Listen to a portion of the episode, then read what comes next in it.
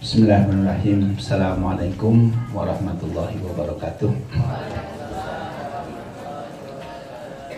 Alhamdulillah wa syukurillah salatu wassalamu ala rasulillah wa la hawla wa la quwata illa billah ba'd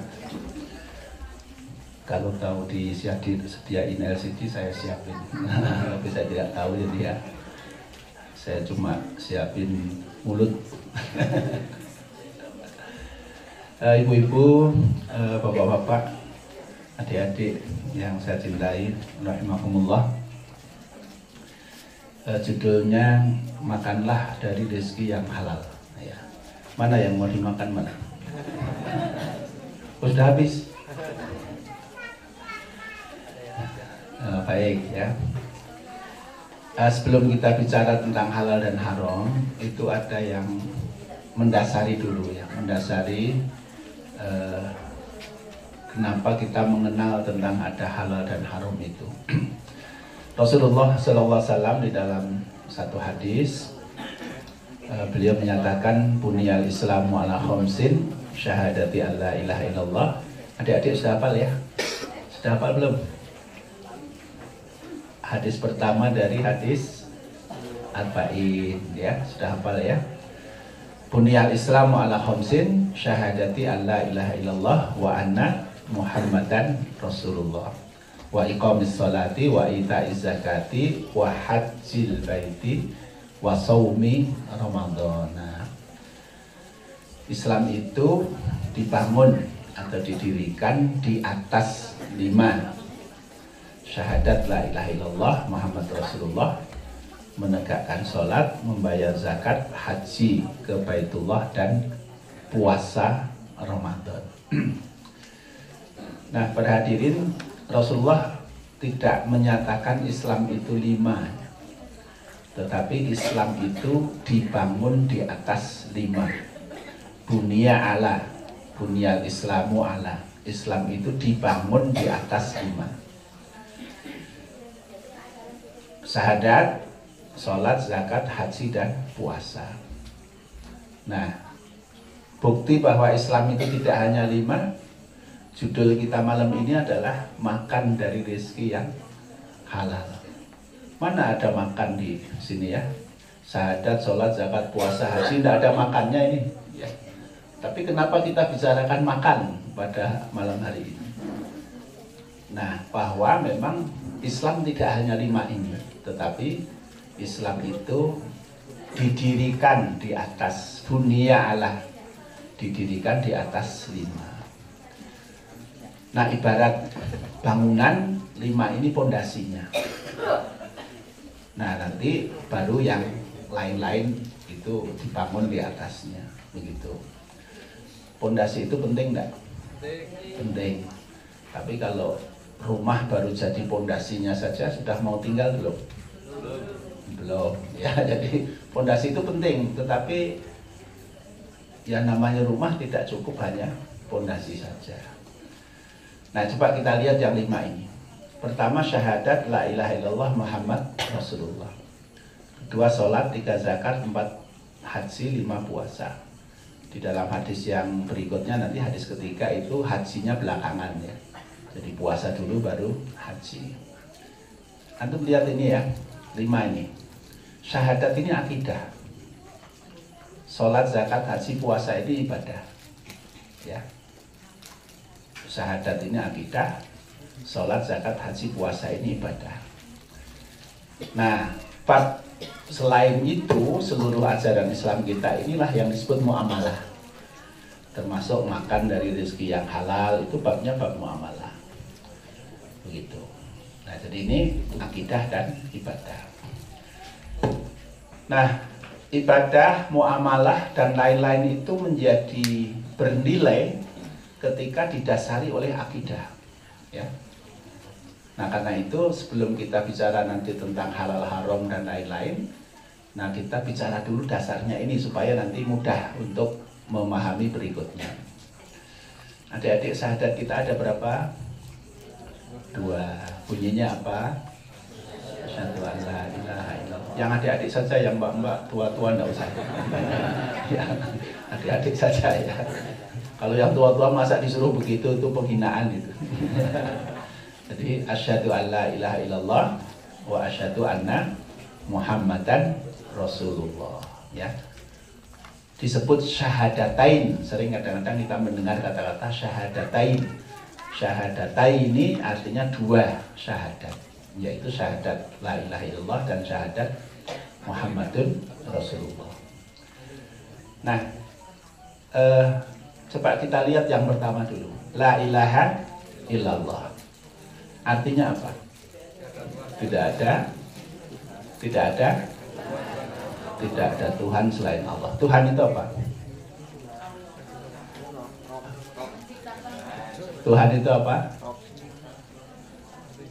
Rob semesta alam. Tuhan itu apa? Sesembahan. Sesembahan itu apa?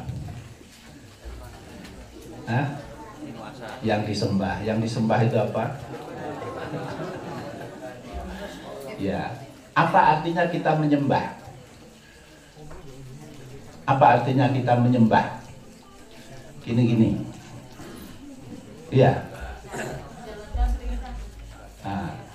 Baik, jadi kata ilah ini sering diterjemahkan Tuhan, ya, sering juga diterjemahkan sesembahan. Tapi sering kali kita tidak paham juga apa makna sesembahan, apa makna Tuhan itu ya.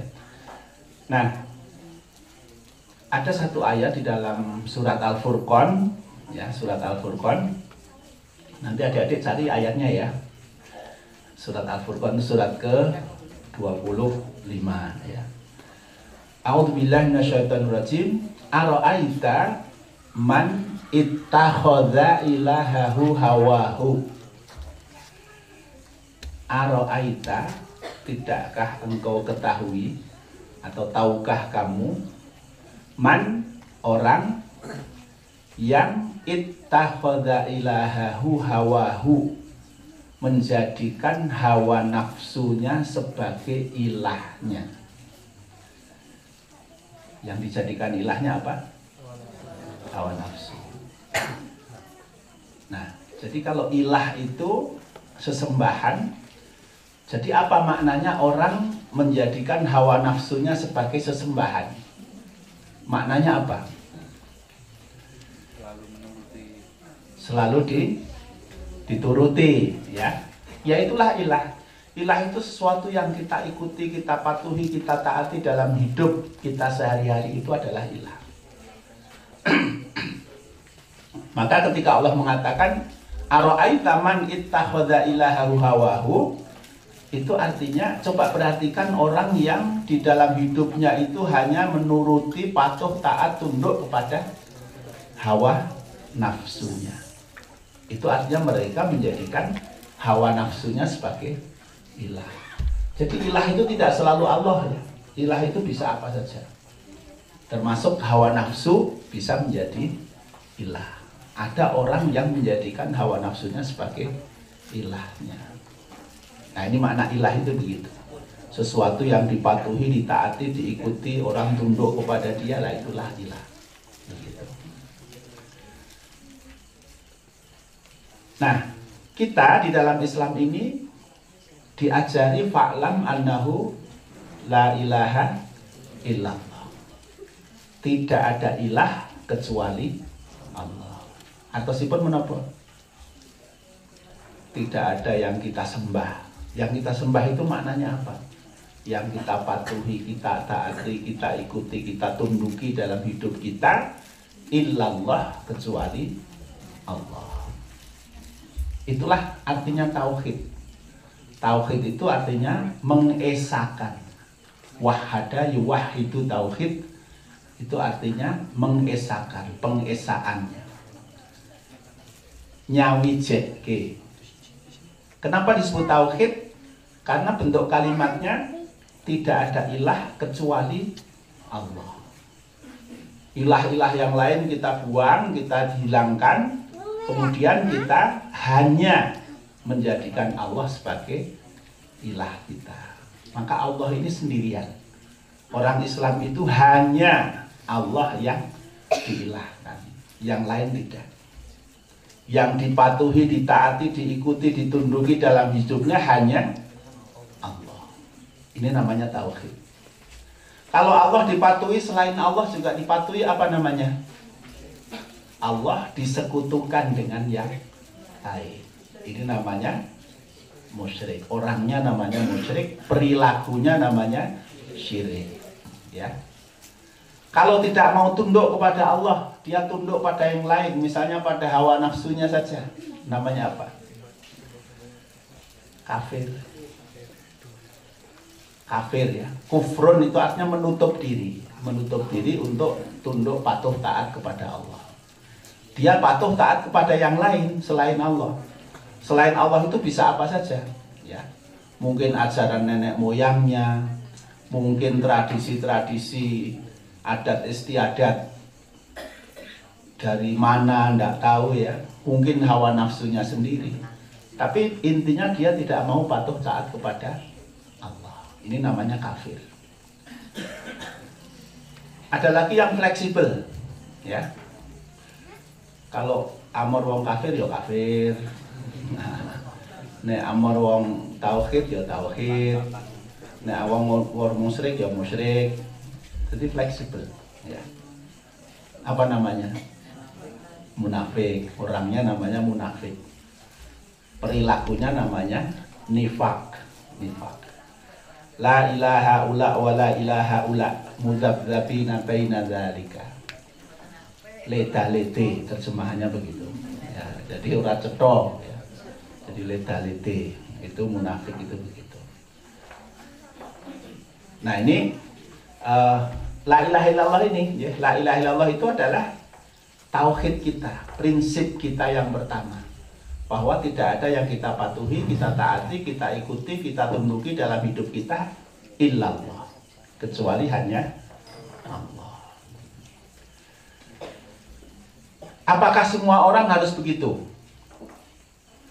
Bapak Ibu apakah semua orang harus begitu atau orang boleh tidak begitu Hah?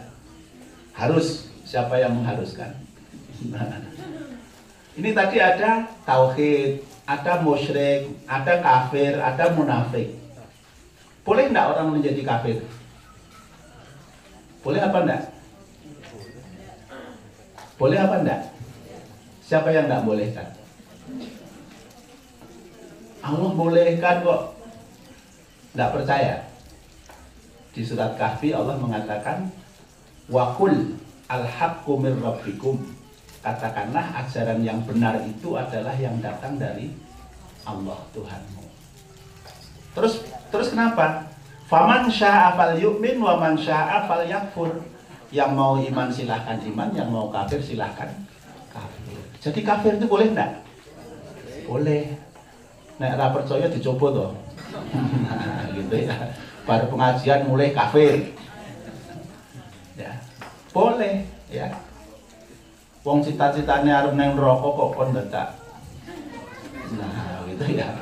Lah mau neng rokok sok gen campur artis-artis dari gitu ya. Nah neng swargo tuh angel golek artis mungkin ya. Nah jadi boleh orang kafir itu boleh musyrik juga boleh munafik juga boleh ya Allah itu tidak memaksa kita untuk harus bertauhid. Ya. Allah memberitahu kita aja, ketahuilah yang betul itu tauhid. Orang hidup yang betul itu hidup yang hanya tunduk patuh taat kepada Allah. Tapi kalau mau tidak begitu ya boleh saja. Cuman masing-masing nanti dampaknya kepada dirinya sendiri. Tanggung jawabnya kepada dirinya sendiri. Nah, kinten-kinten panjenengan milih yang mana? Tauhid, syirik, kufur, atau nifak? Milih yang mana? Sing roto banter tolong jawab. milih mana? Tauhid. Apa artinya tauhid? La ilaha. Tidak ada yang saya patuhi, saya taati, saya ikuti dalam hidup saya ini illallah. Kecuali namun Gusti Allah. Itu tauhid. Kalau betul panjenengan mau bersahadat, ashadu bersahadat, ya. Syahadat itu artinya apa? Satu, pernyataan al-iqrar. Dua, sumpah. Sumpah itu penegasan pada diri kita sendiri. Tiga, janji.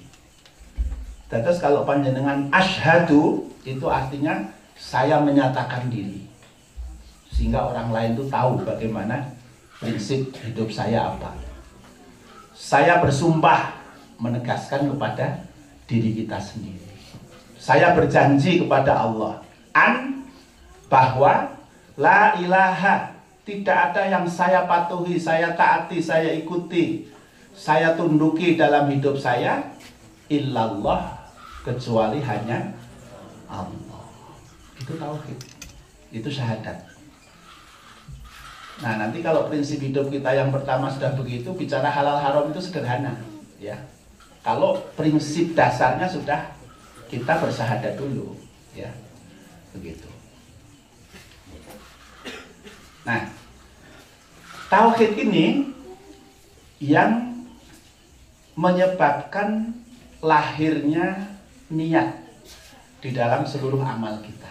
Umpamanya pun, ibu-ibu tadi sholat isya enggak? Sholat nih, maghrib? Sholat. Bapak juga ya?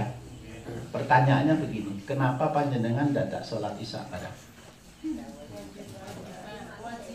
kewajiban sing wajib ke situ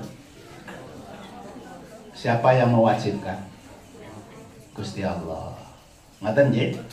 Jadi kenapa kita sholat? Karena kita taat dumateng Allah. Kenapa kita taat dumateng Allah? Karena kita asyhadu an la ilaha illallah.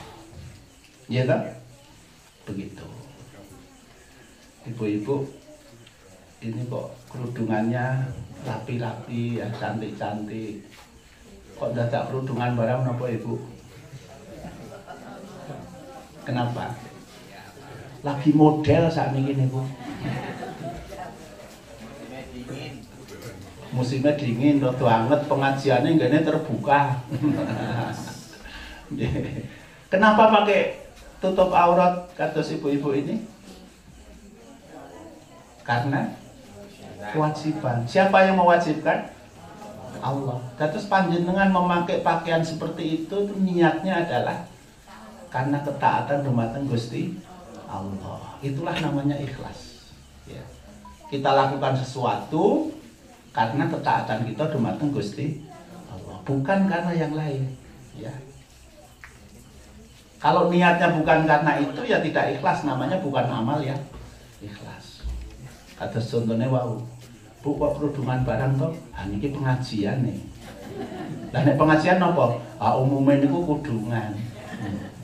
Jadi lek kudungan meng umume. Bukan karena kesadaran untuk taat dumateng Gusti Allah. Lah makanya nek bar pengajian ya copot meneh. Besok nang pasar ayo kaya umume wong pasar. nek dolan piknik ya kaya umume wong dolan. Nek mantenan ya kaya umumnya wong mantenan.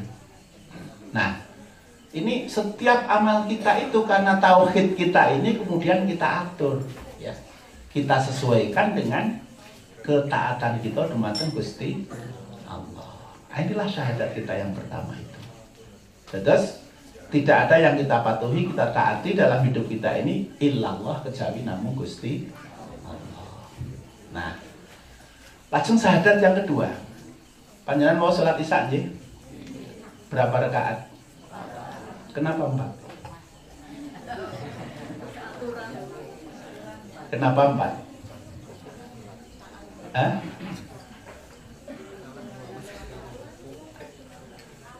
Ah, inilah syahadat kita yang kedua. Ya. Kita taat kepada Allah itu caranya bagaimana? Sesuai dengan yang dituntunkan oleh Rasulullah Muhammad Sallallahu Alaihi. Itu itu syahadat kita yang kedua. Ya. Kita menutup aurat karena taat pada Allah. Ketentuan tentang tutup aurat ngikut tuntunan sinten? Rasulullah Muhammad Sallallahu Alaihi Wasallam. Itulah syahadat kita yang kedua. Ya. Jadi Islam itu adalah urip manut Gusti Allah kanthi tuntunanipun Rasulullah Muhammad